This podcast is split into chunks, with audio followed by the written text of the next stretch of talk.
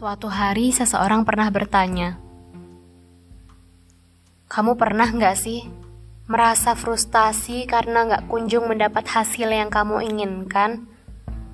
Padahal kamu sudah bekerja keras. Atau kamu pernah nggak merasa begitu terpuruk karena kesempatanmu diambil oleh orang lain yang dianggap lebih berbakat darimu? Aku rasa setiap orang pasti mengalami momen-momen seperti itu dalam hidupnya, termasuk aku. Bahkan untukku, sering kali rasa itu datang dengan sepaket ketakutan yang membuatku mencoba untuk lari dan berhenti. Contoh kecilnya, saat aku yang berjuang keras untuk mendapat peringkat tertinggi dalam sebuah ujian, tapi aku gak pernah bisa mencapainya. Selalu aja ada orang yang lebih baik dariku, yang padahal aku gak melihatnya berusaha lebih keras.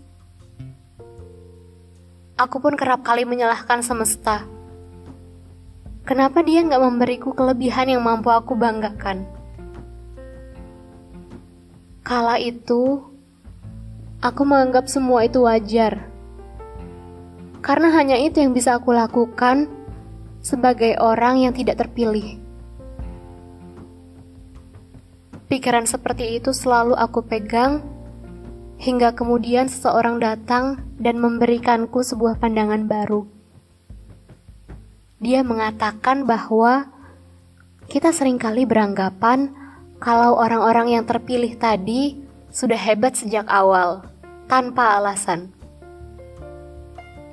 Padahal, tanpa kita sadari, kalau kita hanya berusaha 1 sampai 10 kali setiap hari, orang-orang terpilih tadi berusaha 1 sampai 20 kali atau bahkan 100 kali.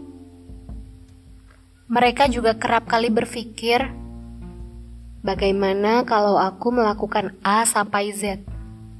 Saat kita hanya berfokus pada kemungkinan A sampai D. Dia juga mengingatkan, jika kita terus melihat ke atas dan bukan lurus ke depan, kita akan kehilangan pijakan. Kemudian, bukankah memang wajar jika kita tidak langsung bisa melakukan sesuatu yang baru kita coba. Mustahil sekali mencoba, kita bisa langsung menguasainya. Tapi, apa pun yang ingin kita pelajari, semua bisa dikuasai dengan melakukannya. Meskipun nantinya tetap ada kekurangan, kita pasti akan menemukan sesuatu untuk mengatasinya. Jangan lupa bahwa dengan adanya kesempatan untuk memulai sesuatu, kita mendapat kegembiraan yang lebih daripada orang yang tidak memiliki kesempatan sama sekali.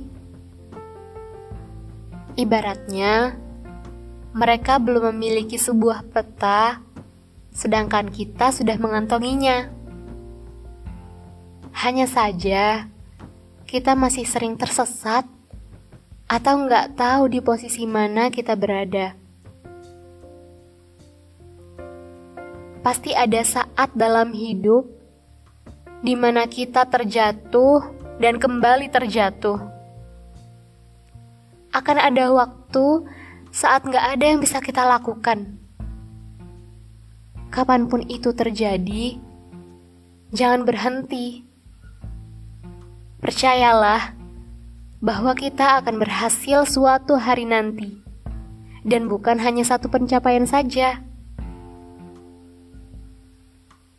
Baik mereka yang terpilih atau yang bukan terpilih, semuanya akan mendapat kesempatan, meskipun jumlahnya nggak sama. Kita harus memanfaatkan kesempatan itu selagi memastikan kalau kita nggak akan membiarkannya lolos. Kita, dari semua orang, harus selalu berada dalam kondisi terbaik supaya kita bisa selalu berada di garis depan saat kesempatan itu datang.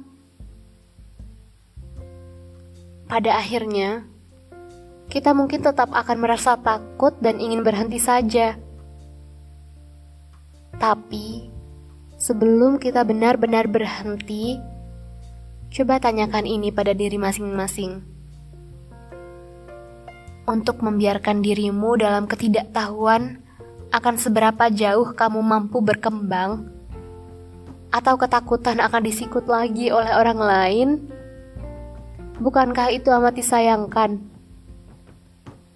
Bagaimana kalau kemampuanmu untuk berkembang lebih besar dari segala dugaanmu? Dan ternyata kesempatan itu memang diperuntukkan untukmu. Berjuanglah terus.